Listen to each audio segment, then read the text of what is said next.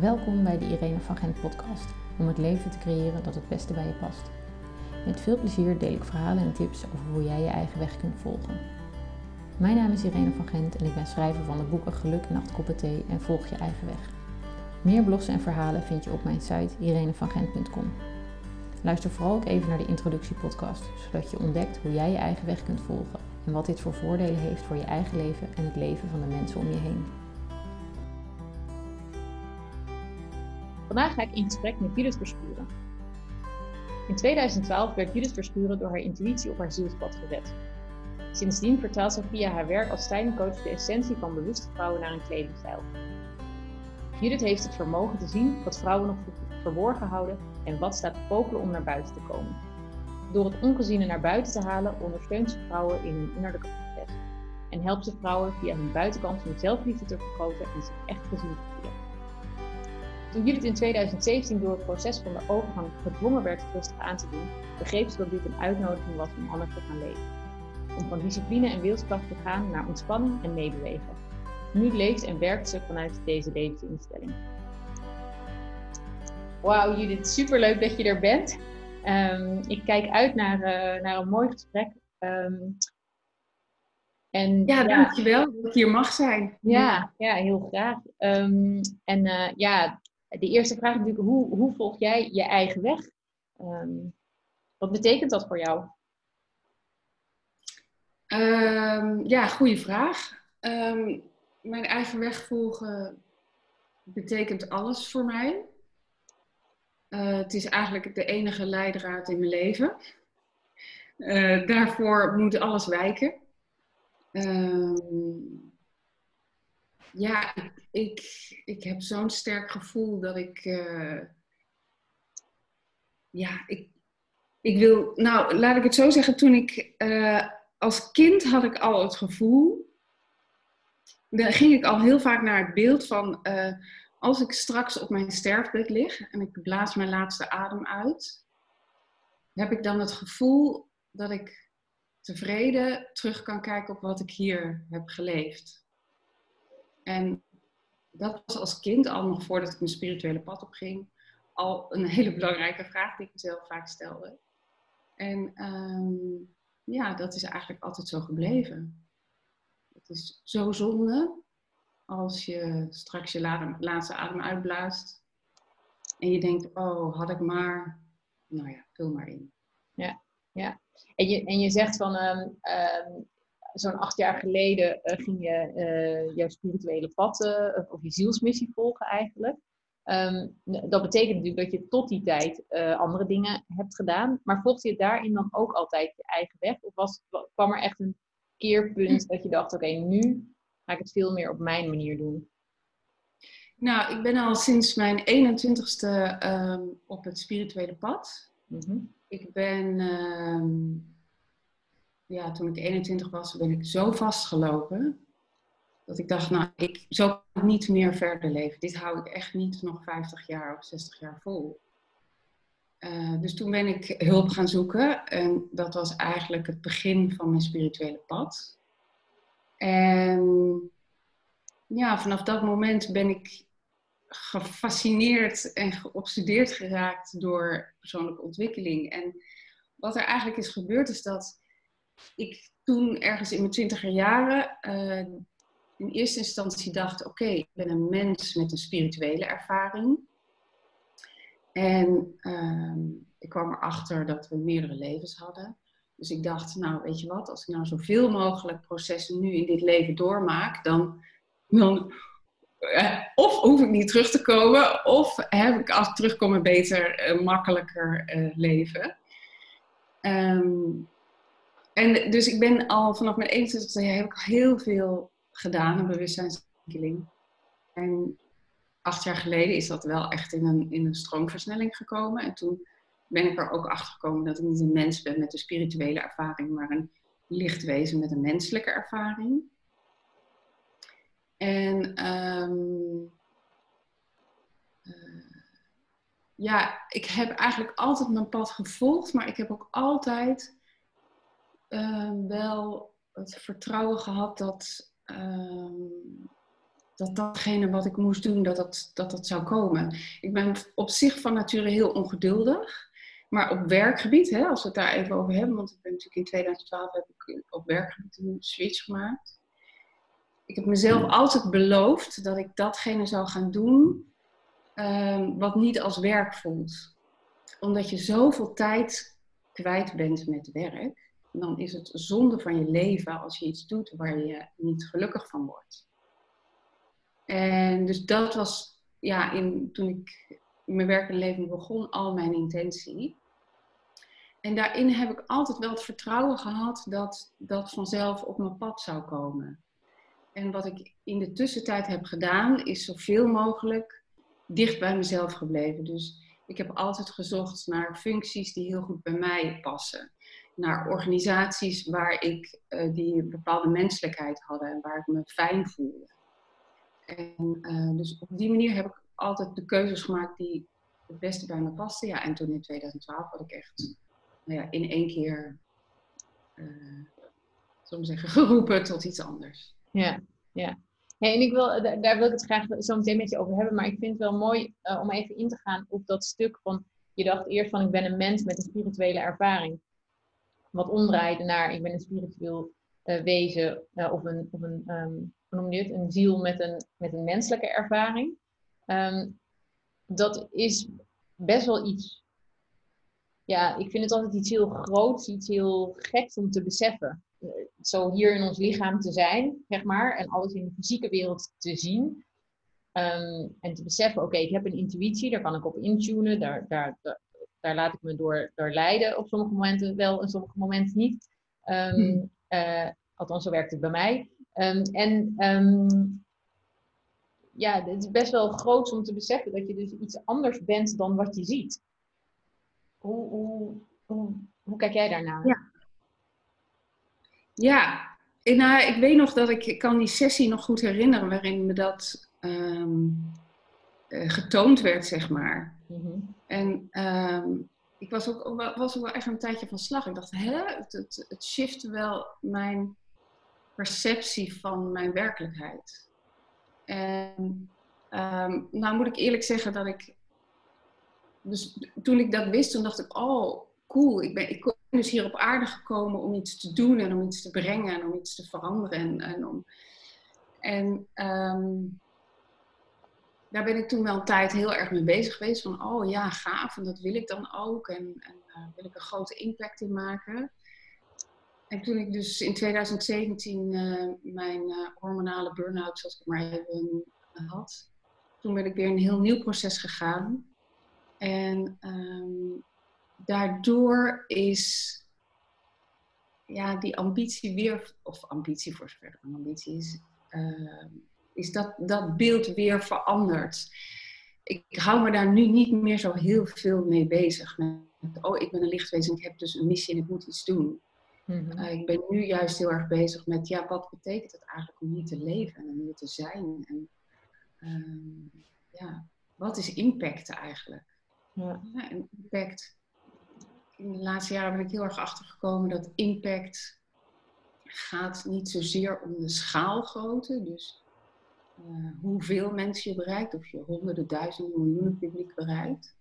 Maar het gaat om de diepte waarmee je iets doet. Um, en dat wil niet zeggen dat als je veel mensen bereikt, dat dat dan weer niet goed is. Maar Ehm, als jij en ik een mooie uitwisseling hebben waar heel veel liefde in uitgewisseld wordt, dan heeft dat een enorm effect. Dus het hoeft niet groot te zijn, laat ik het zo zeggen, om effect te hebben, om impact te hebben.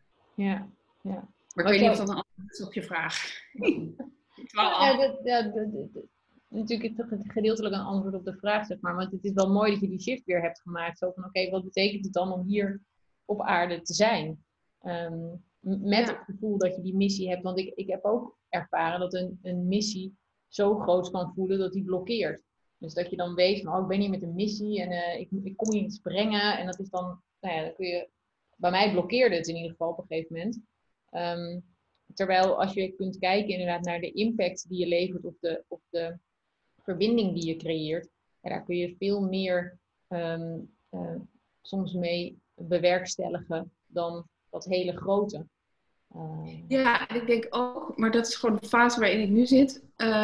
Dat, ik heb het gevoel dat we daar ook een beetje van af mogen. Ik hoor natuurlijk heel veel in mijn omgeving en in het netwerk hè, waarin we zitten van, ja, wat is de impact en wat. Um, ik denk dat we allemaal voelen dat we graag, we willen allemaal iets betekenen in deze wereld. Dat heeft iedereen, of je nou spiritueel bent of niet. Iedereen wil gezien worden, iedereen wil betekenisvol leven leiden. Um, maar het kan ook zijn dat, dat, je, dat die drive om iets te betekenen je weghaalt van jezelf. Dus in eerste instantie gaat het erom dat jij hier helemaal bent. En dat jij jezelf nummer één zet en uh, je zelfliefde vergroot. En ehm, het is hartstikke mooi als je impact hebt, maar het mag niet ten koste gaan van de impact die je op jezelf moet hebben. Snap je wat ik bedoel? Dus in eerste instantie is het de bedoeling dat we steeds dieper van onszelf gaan houden. En dan komt die impact, die komt daaruit voort. Ja. ja. En voor mij is het dus een, een switch geweest daar naartoe. Dus in eerste instantie van, oh jee, wow, wauw, ja. Oh, ik heb ook impact. Oh, ik, ik, ik maak ook echt een verschil in mensen, in leven en van klanten. Naar, oké, ik heb eerst dit stuk, daar mag je altijd dieper in zakken. En dan bedoel je die, die zelfliefde? Ja. ja. Ja, en het helemaal hier op aarde zijn, van het leven genieten, uh, er helemaal zijn. Ja. ja. En dat is, ik bedoel, wij lopen natuurlijk ook al een tijdje met elkaar mee. Um, uh, en um, wat ik bij jou ook heel erg herken, wat ik zelf ook goed ken, is dat, dat, dat hard moeten werken om iets te, te realiseren. Uh, het klinkt alsof jij daar nu een enorme verzachting in bent aangegaan. En ik zie het ook aan je, dat je, dat je veel liefdevoller daarin kunt zijn. Maar hoe, hoe heb je dat kunnen realiseren? Want ik merk de afgelopen dagen in de gesprekken die ik voer dat het heel veel ook, dat het ook over dit thema gaat. Um, over zelfliefde. En eh, zelf ontdekte ik deze week door al die gesprekken te voeren dat um, de gesprekken die ik met mezelf heb nog steeds heel negatief zijn. Um, wat ik best wel een heftige ontdekking vond. en ik denk dat veel meer mensen dat doen. omdat het zo gek is om van jezelf te houden eigenlijk. Ja, en dat is dus eigenlijk helemaal niet gek. Dat is juist de bedoeling. Um, wat ik in mijn omgeving zie is dat het proces waar ik doorheen ga en waar jij ook doorheen gaat, dat we allemaal eigenlijk, of allemaal, uh, laat ik zo zeggen, de vrouwen in, in het netwerk waar wij ons in begeven, uh, en daarbuiten eigenlijk ook, allemaal op zoek zijn naar die ontspanning. En naar die switch van uh, hard werken op wilskracht naar ontspannen zijn. En actie nemen vanuit dat zijnsstuk. En voor mij is de, de switch geweest dat ik dus in 2017 dat mijn lichaam zei, nou Judith, dit gaat echt zo niet meer. Dit moet echt anders. En dat ik me toen realiseerde hoe, um, hoezeer ik in, op heel veel vlakken nog in een overleefstand stond. Van heel vroeger. En ja, dat heeft ook met mijn cyclus te maken. Altijd een, een lastige cyclus gehad. Maar ja, je kan niet tegen je baas of tegen je klanten zeggen van nou, ik heb, uh, ik heb vandaag PMS, ik voel me zo kloten, ik blijf even thuis. Dus ja, wat doe je dan? Want je zet jezelf in een nieuwe energie en je gaat toch door. En ik was er op een gegeven moment ook super trots op dat ik dat allemaal kon. En dat ik gewoon ook nog niemand die iets aan mij merkte. Um, en achteraf denk ik, wauw zeg, wat, heb ik, wat ben ik hard geweest naar mezelf. Om altijd maar door te gaan. En eigenlijk dat stuk volledig in de ijskast te zetten. Totdat mijn lichaam zei, ja, maar dit gaat echt niet, zo niet langer. En toen realiseerde ik mij, voelde ik op hoeveel lagen ik eigenlijk mijn hele leven al op wilskracht en in een soort van overleefstand stond. En ik, ik, zie, ik heb dus bij mezelf ervaren en ik zie dat ook in mijn omgeving, dat heel veel vrouwen bezig zijn om uit die overleefstand te komen. En die zit op zoveel lagen. Want als je de eerste laag van spanning hebt ontspannen, dan denk je, oh, daar zit ook nog spanning. Oh, daar zit ook nog spanning. En um, voor mij is de, ja, was de val zo, zo diep. Dat ik dacht, ja, en ik, ik hoor ook mijn, mijn hele leven, dus als ik last heb van mijn cyclus en ik voel me rot, en ik vraag wat heb ik nodig, dan is het antwoord altijd ontspannen, meer achteroverleunen, een beetje plezier maken, niet te moeilijk doen. En ehm, ja, op een gegeven moment heb ik gewoon besloten dat ik dus niet die laatste adem wil uitblazen en dan zeggen, ja, ik heb dat heel duidelijk doorgekregen, maar ben toch maar gaan blijven forceren. Ja. Dus nu is het voor mij, ik ben daar echt rukzichtloos in geworden. Alles, alles in mijn leven moet een bijdrage zijn aan mijn gezondheid en mijn ontspanning. En dat was best wel moeilijk, want ik dacht, ja, hoe moet het nou met klanten? Want ja, klanten stonden voor mij hoger dan ik. Hmm. En nu heb ik ervaren ehm, dat juist, ja, het is echt een, zo'n zo dood, dat je denkt, ja, de. Maar juist als ik ontspan, juist als ik goed voor mezelf zorg, dat dat hele fijne sessies met mijn klanten oplevert. Ja. Ja, dat als ik mezelf meer meebreng en, en er meer ben en meer ontspannen ben en zelf in, in mezelf die, uh, ja, die zelfliefde activeer, zeg maar, dan, uh, dan werkt dat uitstekend. Met iedereen en alles. Ja, ja. En, en hoe, um, wat, voor, nou, wat voor effect heeft dat op jouw onderneming gehad dan? Um, uh, ja, je, je, gaat op een andere manier ondernemen. Ik bedoel, ik denk, ik, herken het ook wel dat je, dat je denkt, oh, ik moet er altijd zijn voor iedereen. Ik moet altijd maar aanstaan. Want stel dat er een mailtje binnenkomt met een vraag en ik antwoord niet snel genoeg. Of uh, stel dat iemand belt en bel niet op dezelfde dag terug, want ik voel me niet lekker, weet je wel. Wat, um, de angst is natuurlijk van, oh, dan heb ik geen inkomen meer. Of dan, komen er, dan gaan de klanten bij me weg. Maar wat heeft het voor impact gehad op, op jouw bedrijf? Hoe, hoe loopt dat? Nou, wat ik, wat ik heb gedaan is toen ik dus ehm, niet meer verder kon, heb ik mijn aanbod van mijn site gehaald. Omdat ik merkte dat het aanbod wat ik had, had staan was heel mooi. Werkte supergoed. Maar het was voor mij hard werken. En ik heb mezelf beloofd dat al het harde werken eruit zou gaan voor mij. Dus dat ik mijn aanbod zou gaan aanpassen aan dat het voor mij ontspannen is en dat het voor de klant net zoveel betekenis heeft. En dat was best wel moeilijk, omdat ik er toen achter kwam dat ik eigenlijk als stylingcoach uh, liever uh, de regels een beetje aan mijn laars lap. Uh, ik ben natuurlijk opgeleid met uh, doen van kleur- en figuuranalyses. En uh, nou ja, hoe doe je dat? En, en daar dat is hartstikke mooi. En dat, dat werkt ook supergoed. Alleen, ik heb gewoon gemerkt dat ik ben eigenlijk vrijer dan dat. En ik kijk anders naar het vak. Dus je kunt... Um, wacht even, ik moet even bij je vraag blijven, anders ga ik los. Um, dus wat heb ik gedaan? Ik heb mijn aanbod van mijn site gehaald. Ik heb gezegd, oké, als ik een aanbod doe, dan moet het uh, voor mij een bijdrage zijn. En voor mijn klant ook. En ik heb mijn hele leven ook verder. Ik had al, mijn leven was best wel goed, al paste al bij me. Maar ik heb mijn hele leven verder ook zo ingericht dat alles bijdraagt aan mijn ontspanning. Dus um, het is nog steeds wel eens zo. Ik heb nog steeds een cyclus en die toe echt nog moeilijk. Maar als ik dan s ochtends wakker word en ik denk, oh, voel ik me rot. Dan denk ik nu als ik een sessie heb met een klant, oh leuk, ik ga naar die en die.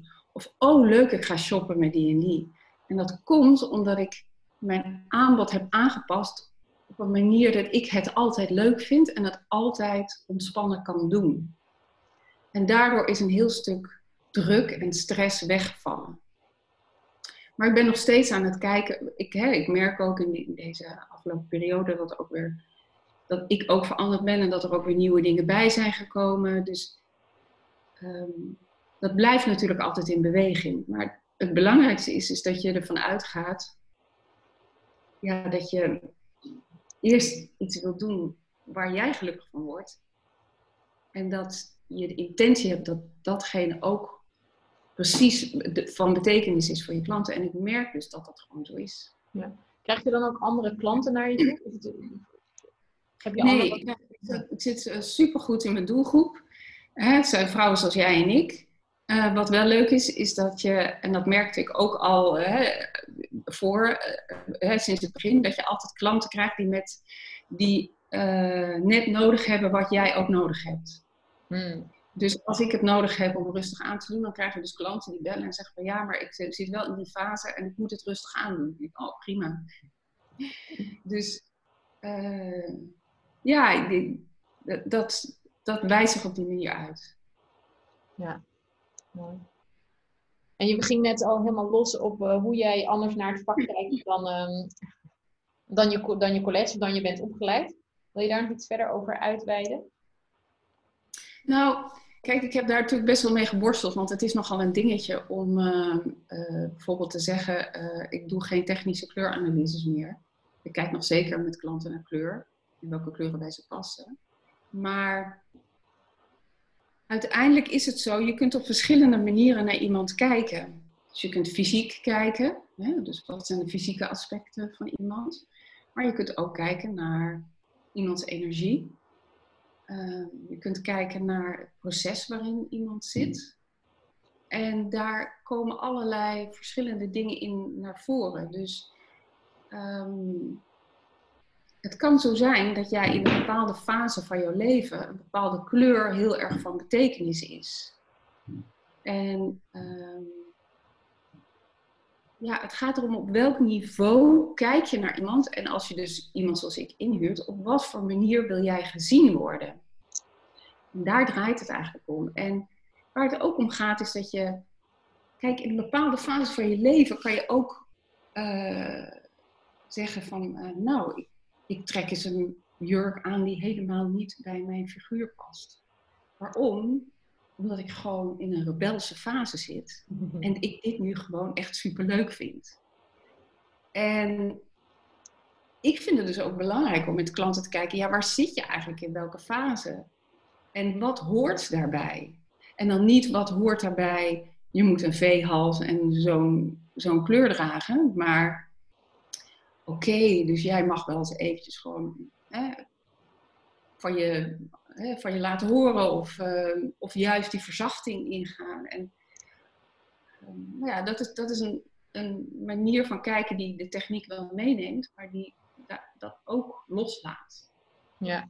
En dat dus vond ik heel eng, want ik dacht, ja, nou, dat, wat gaan al die andere imago- en styling coaches daar wel niet van vinden. En ik zei, nou, die Judith, die kan er geen bal van. Of wat gaan andere mensen vinden van mijn klanten? Nou ja, kijk, dat gebeurt sowieso. Mensen vinden van alles van wat, en ook van mij. Mhm. Ehm, maar goed, dat is een proces wat je los moet laten. En denk, oké, weet je, dit, zo sta ik in het leven, zo kijk ik. En ja, en daarvoor gaan staan. Ja, ja. Ja, ik vind dat wel heel mooi, want je kijkt dus, dus verder dan ehm, gewoon de, de buitenkant. Je gaat echt op zoek naar hey, welke fase zit je, wat, wat past nu bij je, wat, wat wil je uitstralen. Ik denk dat dat een hele krachtige ehm, eigenschap is. Uh, want daarmee breng je jezelf ook helemaal mee, omdat het goed voelt voor jou. En dat is natuurlijk wel de grootste uitdaging die we als ondernemers ook hebben om ehm, echt naar buiten te brengen wat we, wie wij zijn en waar we de ander mee kunnen, mee kunnen helpen. Dat is natuurlijk wel heel mooi. Ja, ja precies. En dan gaat, dat gaat dus verder dan. Ehm, kijk, je kunt je uiterlijk gebruiken om bepaalde dingen van jezelf te laten zien.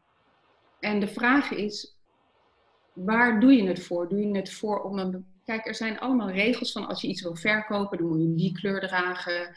Ehm, hè, ik, ik heb een keer een masterclass van een vrouw gehad en die begeleiden vooral mannen en dan vooral politici.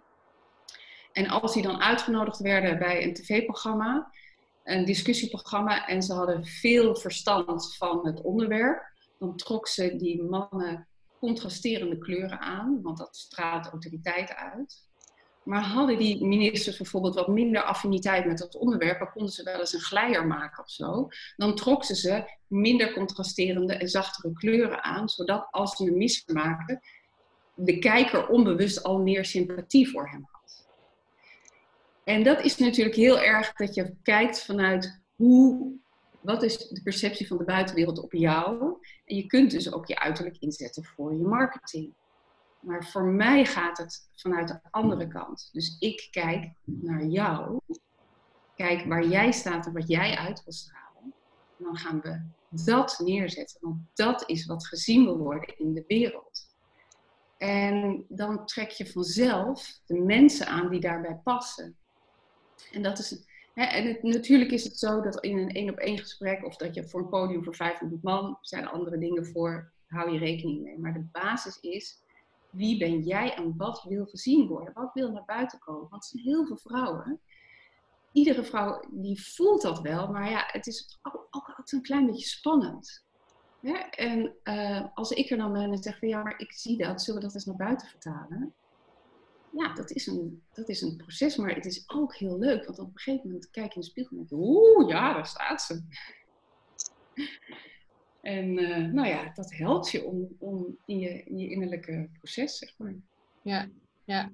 Ja, nee, we hebben het natuurlijk samen ook een aantal keer gedaan. En ik weet ook hoe, hoe krachtig het kan zijn om eens iemand anders met me mee te laten kijken naar wat er naar buiten moet komen. Um, omdat het ook, um, ja, voor mij, ik, als het over kleding gaat, kies ik toch vaak voor de veilige weg. En, ja. um, en het wat minder gezien willen worden of zo. Dat is in ieder geval lange tijd zo geweest. Um, en die behoefte die begint nu weer te veranderen, gelukkig.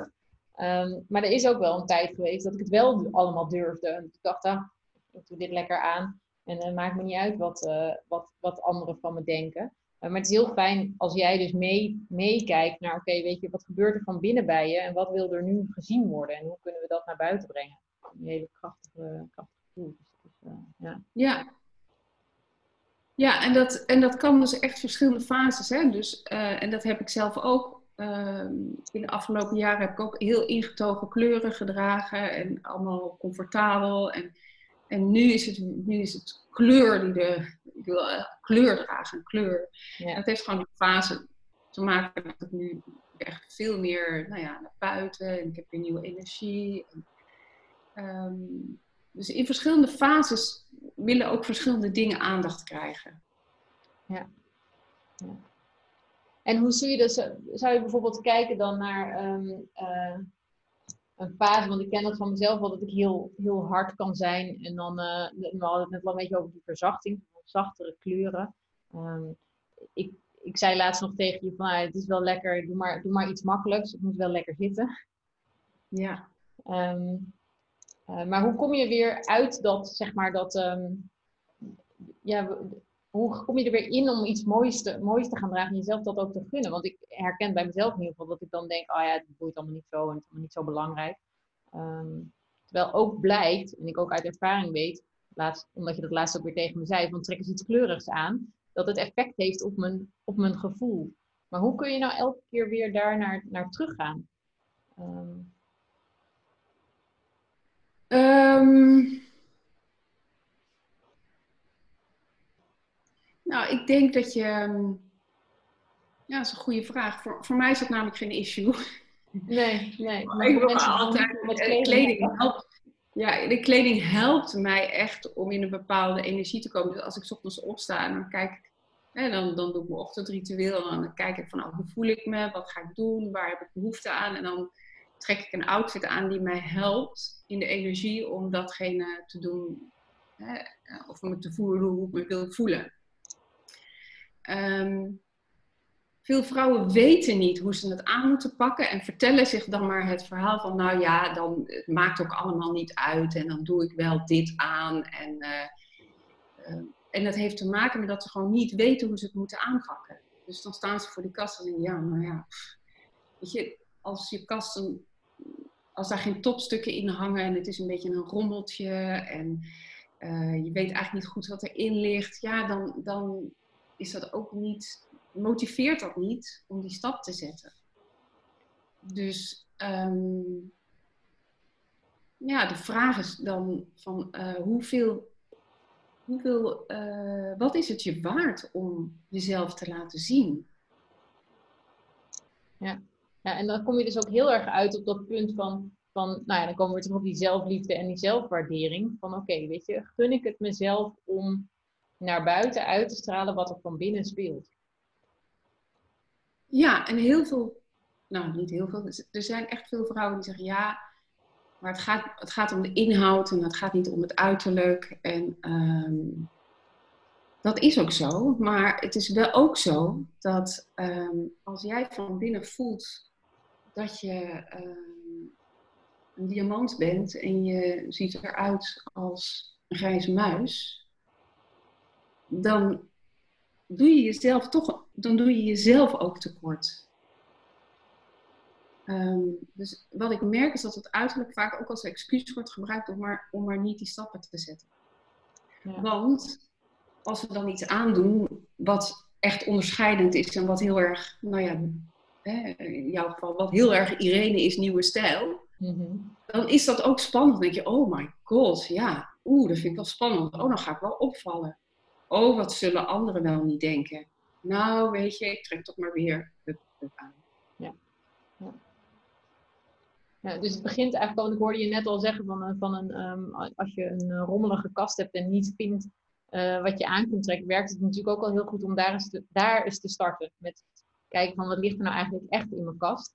En liggen er misschien nog wel stukken tussen waarvan, waarvan je denkt van hé, hey, daar zou ik nog wel eens wat mee kunnen. En gun ik het mezelf om, uh, om dat te laten zien. Om dat ook weer te durven en te, en te doen.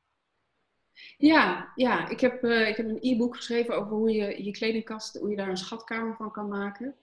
En um, dat is wel de eerste stap dat je denkt, oké, die, die kast, die, de vrouw vindt het altijd super spannend als ik bij hem kom. En dat snap ik ook heel goed. Want die kast die zegt iets over jou. Dus de staat van je kast zegt iets over hoe jij met jezelf omgaat en wat je jezelf gunt. Hè, uh, vorige week nog hadden wij ook een gesprek met, uh, met een andere klant van mij. En die zei ook van, oh ja, het is weer even, ik heb weer even dat dat stukje aangezet in mij dat ik mezelf mag gunnen om mooie en leuke kleding te hebben. En het, het is ook een stukje ja, jezelf gunnen en genieten van het leven. En genieten van jezelf en genieten van de schoonheid. En, um, het is vaak een soort van sluitpost voor veel vrouwen, lange tijd. Um, terwijl, ja, als je als je begint met die kasten opruimen en de stukken eruit te halen waar gaten in zitten, die echt niet meer passen, waar de vorm uit is. Ehm, als je dat er alleen al eens uithaalt en dan eens kijkt wat er dan ligt. Mhm. En dan eens gaat kijken van oké, eh, wat wil ik eigenlijk uitstralen? Wat, wat willen in mij gezien worden? En wat vind ik eigenlijk mooi? Ja. Vrouwen denken daar ook niet over na. Van ja, waar hou ik eigenlijk van? Ja, ik vind dat ook, dat is ook wel een, een, een lastig ding, vind ik tegenwoordig, met die enorme hoeveelheid kleding die je kunt vinden. Om te vinden van wat, wat vind ik nou eigenlijk mooi. Um, maar wat ik ook wel een interessant onderwerp vind, is dat um, uh, op het moment dat ik het spirituele, minimalistische pad ging bewandelen, um, was kleding het eerste wat niet meer on top of mind was voor mij. Het was gewoon echt niet belangrijk um, inderdaad aan de binnenkant werken was veel belangrijker dan, dan de buitenkant laten zien. En, en ik denk dat, dat veel vrouwen dat ook wel herkennen, want kleding kopen, dat kost geld. En op het moment dat jij, wij spreken, je zielsmissie gaat volgen, um, is de eerste stap vaak, ik zeg niet dat het voor iedereen geldt, maar het is wel vaak zo, dat je minder gaat verdienen dan dat je gewend was. Dus waar ga je dan op besparen? Dat is op kleding. Maar ik heb ik denk ook dat op het moment dat je dat doet en blijft doen, ehm, dan uh, ga je dus ook uiteindelijk niet uitstralen wat er dan speelt. Waardoor dat ook weer een effect kan hebben op hoe je je voelt en hoe je bedrijf loopt en hoe je jouw missie naar buiten kunt brengen. Ja, absoluut. En er is ook nog, een, laat ik een ander voorbeeld geven. Als je dus begint als ondernemer, het eerste wat vrouwen, of uh, wat ondernemers vaak doen, is een website bouwen zodat je gevonden kunt worden. Nou, ik ken geen ondernemer die geen aandacht besteedt aan de opmaak van zijn website. Aan de kleuren, aan de vormgeving, aan het logo. Ik ken geen ondernemer die gewoon platte teksten op een site zet en dan zegt, nou jullie doen het er maar mee, want het gaat om de inhoud. Ja. Um, en hetzelfde is met jezelf. Maar die link wordt vaak niet gelegd. Want als het om jezelf gaat, dan is het opeens, dan mag het er allemaal niemand dus uiterlijk. En, eh, terwijl ja, een website wil je ook graag leesbaar hebben. Dat mensen in ieder geval kunnen ja. ervaren een beetje wie jij bent en, en, en jouw energie ook een beetje kunnen oppikken. Ik krijg heel vaak dus de mensen die dan contact met mij opnemen, er zullen ongetwijfeld ook mensen zijn die, dat, die daarop afknappen, maar die zeggen ook heel vaak, ja, ik kwam op je website en ik, ik vond het zo mooi en zo fijn en de teksten waren zo fijn en de sfeer was zo fijn.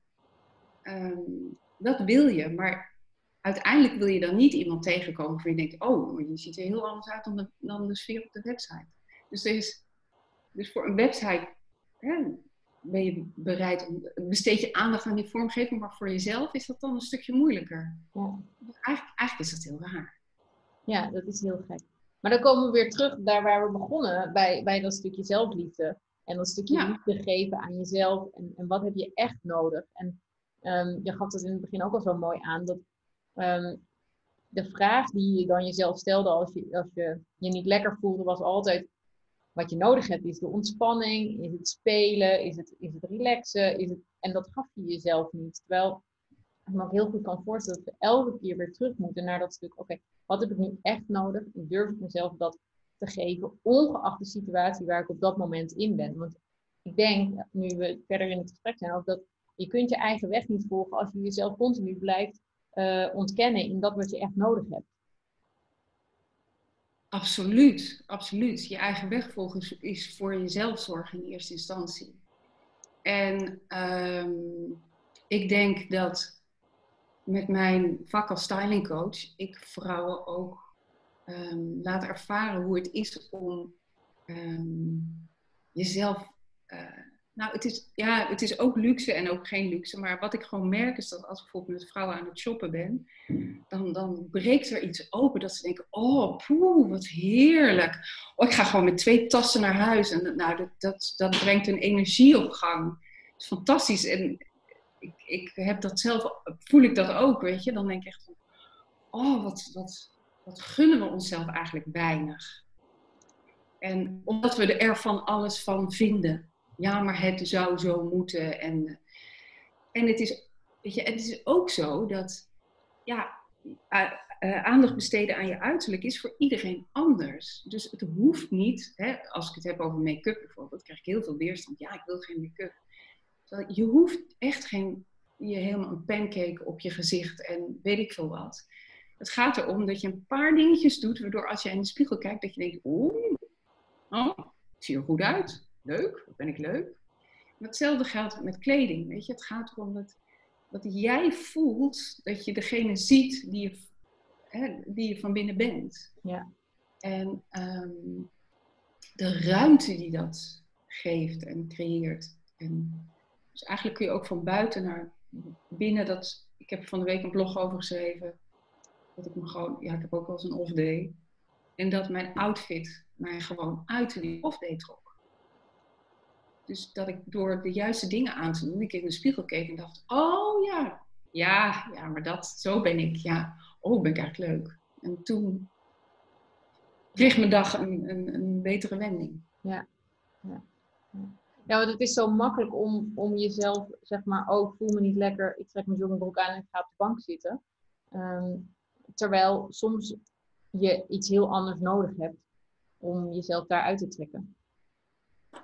Ja, en het is ook zo dat. Ehm, eh, kijk, als, als jij uh, een dag alleen thuis werkt en je denkt, nou, trek maar een joggingbroek aan. En, uh, of je werkt een dag thuis en je trekt iets aan waar je energie van krijgt. Dan ga jij je mails en je telefoontjes met een andere energie benaderen. En ik zeg niet dat je nooit je joggingbroek aan moet doen. Doe het lekker. Maar wees je er bewust van, van hey, hoe voel ik mij? En hoe ga ik nu, hoe ga ik werken? Als je bijvoorbeeld een dag alleen thuis werkt. Um, en is dit waar ik in wil zitten? Dus voor mij geldt dat als ik dat ga doen, dat ik dan altijd er ook uit wil zien alsof als er iemand thuis aanbelt, dat ik de deur open wil doen en zeg ja, welkom. Zo. Mhm. dus in, dat, dat, is de energie waarmee je het doet. Dus als je denkt van, uh, nou, doe maar mijn haar in de staart en uh, mijn sloffen aan. En, en, je gaat zo werken, dan, dan kan er energetisch ook niet aangebeld worden. Of minder snel, laat ik het zo Je sluit de deur eigenlijk al uh, van, met de kleding die je, die je aantrekt dan. Sorry, wat zeg je? Je sluit de deur eigenlijk met de kleding die je aantrekt. Op dat Ja. moment. Ja. Ja. ja. En ehm, ehm, we hadden het laatst ook over dat jij ehm, hier bent om liefde te verspreiden. Ik vond het zo mooi. Wil je daar nog iets meer over vertellen? Ehm, ja. Eh, nou, ik denk dat we dat allemaal zijn, laat ik dat even voorop zeggen. Ehm, Oeh, ja, dat. dat heel veel over praat, merk ik. Wat zei je? Daar heb ik nog niet zo heel veel over gepraat. Dus dat vind ik best wel eh, spannend om daar iets over te zeggen. Nou, ik, kijk, eh, wat ik mijn hele leven al heel erg leuk vind om te doen, is om mensen liefdevol te verrassen. Dus ik vind het super leuk om voor eh, iemand eh, op jacht te gaan naar, het, naar een super leuk, bijzonder cadeautje voor iemands verjaardag als ik. ehm, ik heb op een gegeven moment met mijn zussen afgesproken dat we mijn ouders, omdat die ouder werden, geen fysieke cadeaus meer gingen geven. Want ik dacht, ja, ze hebben alles al. Dus ik zei tegen hun: wat als we onze vader en onze moeder apart elk jaar mee uitnemen? Dan gaan we met mijn zussen en hun, een van hun een dag op stap. En dan vind ik het heerlijk om zo'n dag te organiseren. Om te zorgen dat dat een hele bijzondere dag wordt vol liefde en verbinding. En dat we, ja, dat we lachen en dat het leuk is. Ehm, ik vind het ook heel leuk om dan een fotoboekje te maken, zodat die sfeer van die dag ook nog weer ergens in een boekje wordt gevat. Ehm, ik had vroeger, ik, ik zat in een salesfunctie en in de culturele sector en ik was de eerste salespersoon in de culturele organisatie. En toen ik mijn target had gehaald, toen heb ik een hele grote bos bloemen gekocht. En toen ben ik iedereen in de organisatie langs gegaan om ze een bloem te geven, om ze te bedanken. Dat ze een bijdrage hadden geleverd aan, eh, het was voor een magazine, een bijdrage geleverd hadden aan het magazine, zodat ik eh, die sales kon doen. En ik vind het dus heel leuk om mensen op die manier te verrassen, om even, nou ja, iemand uh, zo'n hart een stukje open te zetten.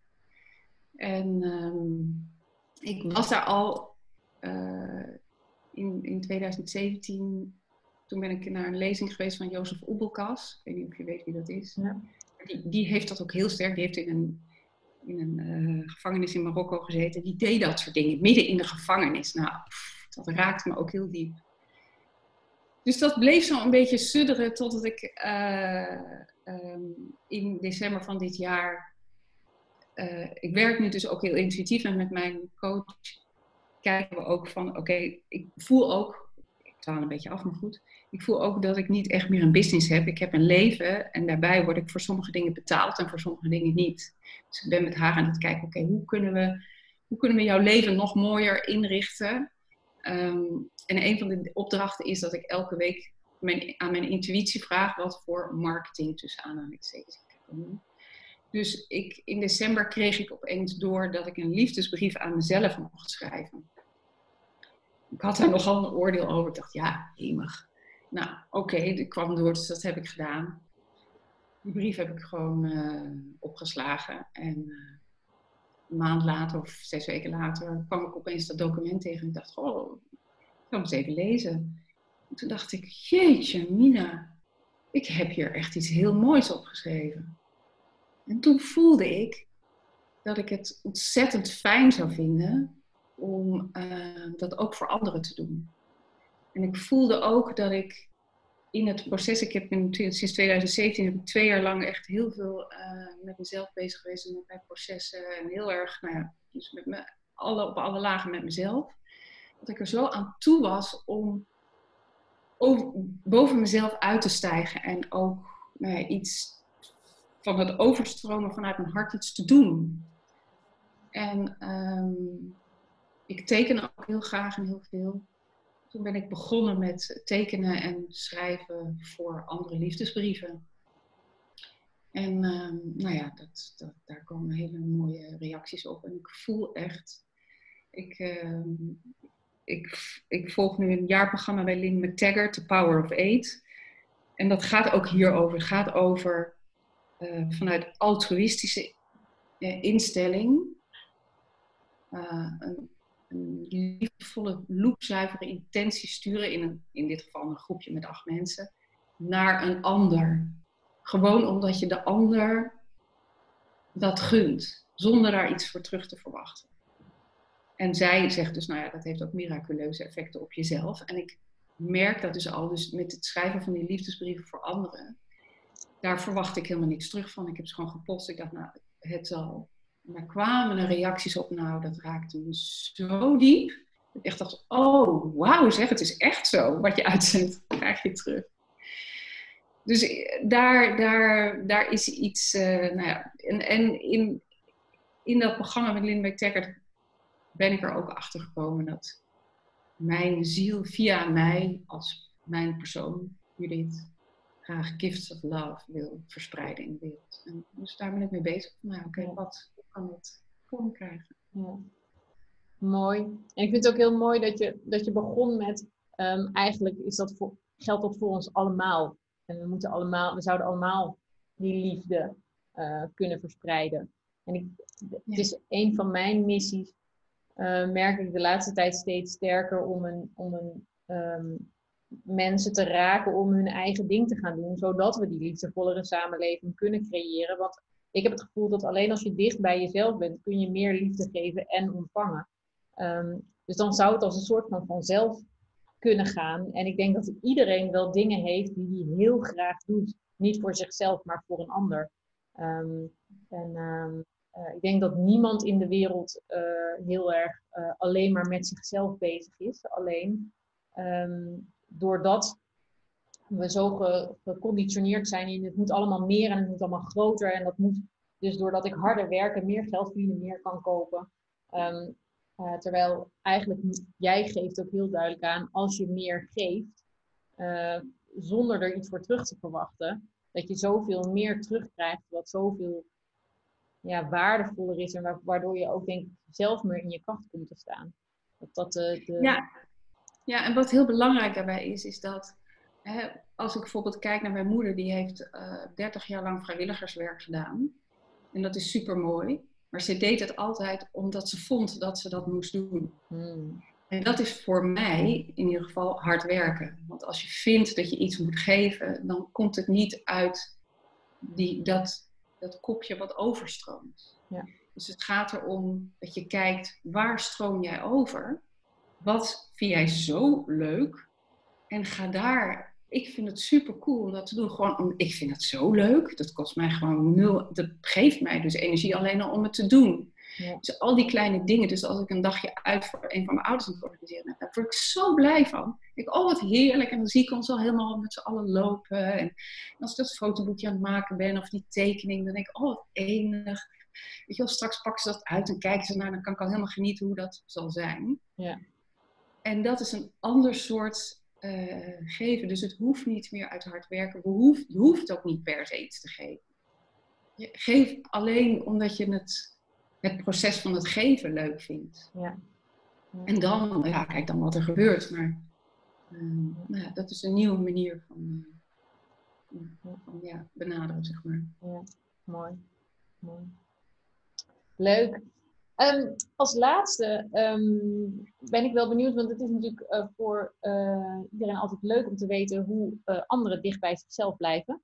Um, Heb jij bepaalde rituelen? Je sprak net al even kort over je ochtendritueel, wat je elke dag doet. Maar heb je andere dingen die voor jou belangrijk zijn om dicht bij jezelf te blijven?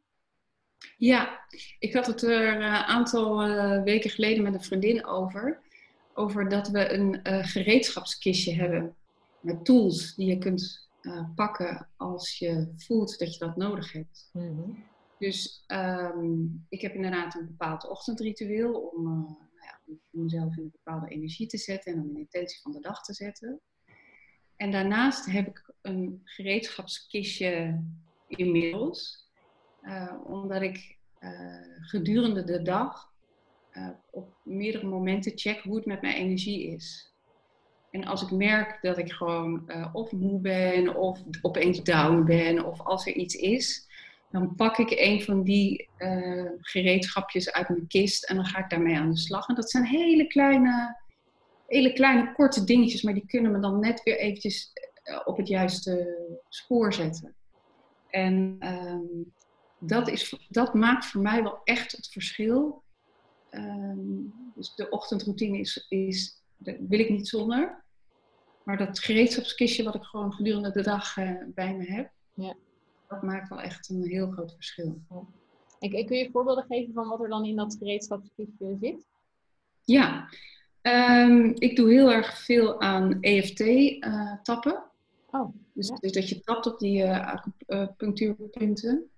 Um, uh, er is ook een app met allerlei tapmeditaties. En dat werkt voor mij super goed, omdat het combinatie is van stilstaan bij wat er speelt, maar tegelijkertijd die acupunctuurpunten in je lijf uh, be, be, bekloppen, zeg maar. En dat is voor mij alsof ik dan ook weer even in mijn lijf aanklop. Zo van, hé, hey, oh ja, ik heb nog een lijf, hier ben ik weer. Ja. Ik word er altijd super rustig van. Ik heb een ademoefening die ik uh, even doe, uh, die heel goed werkt.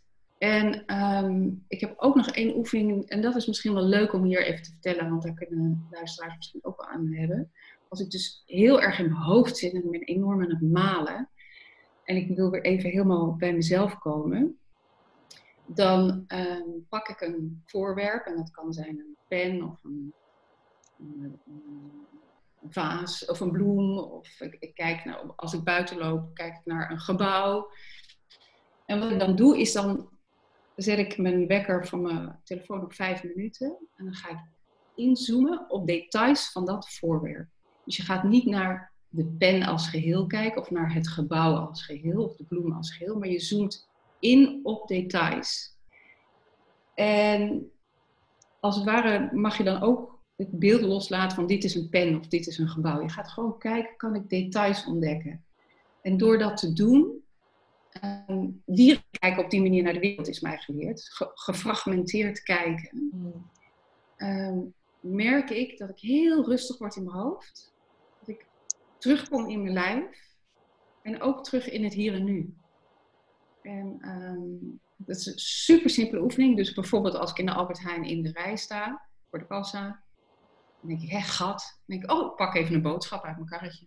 ga ik gewoon een paar minuten naar die boodschap sturen. Daar word ik zo zen van.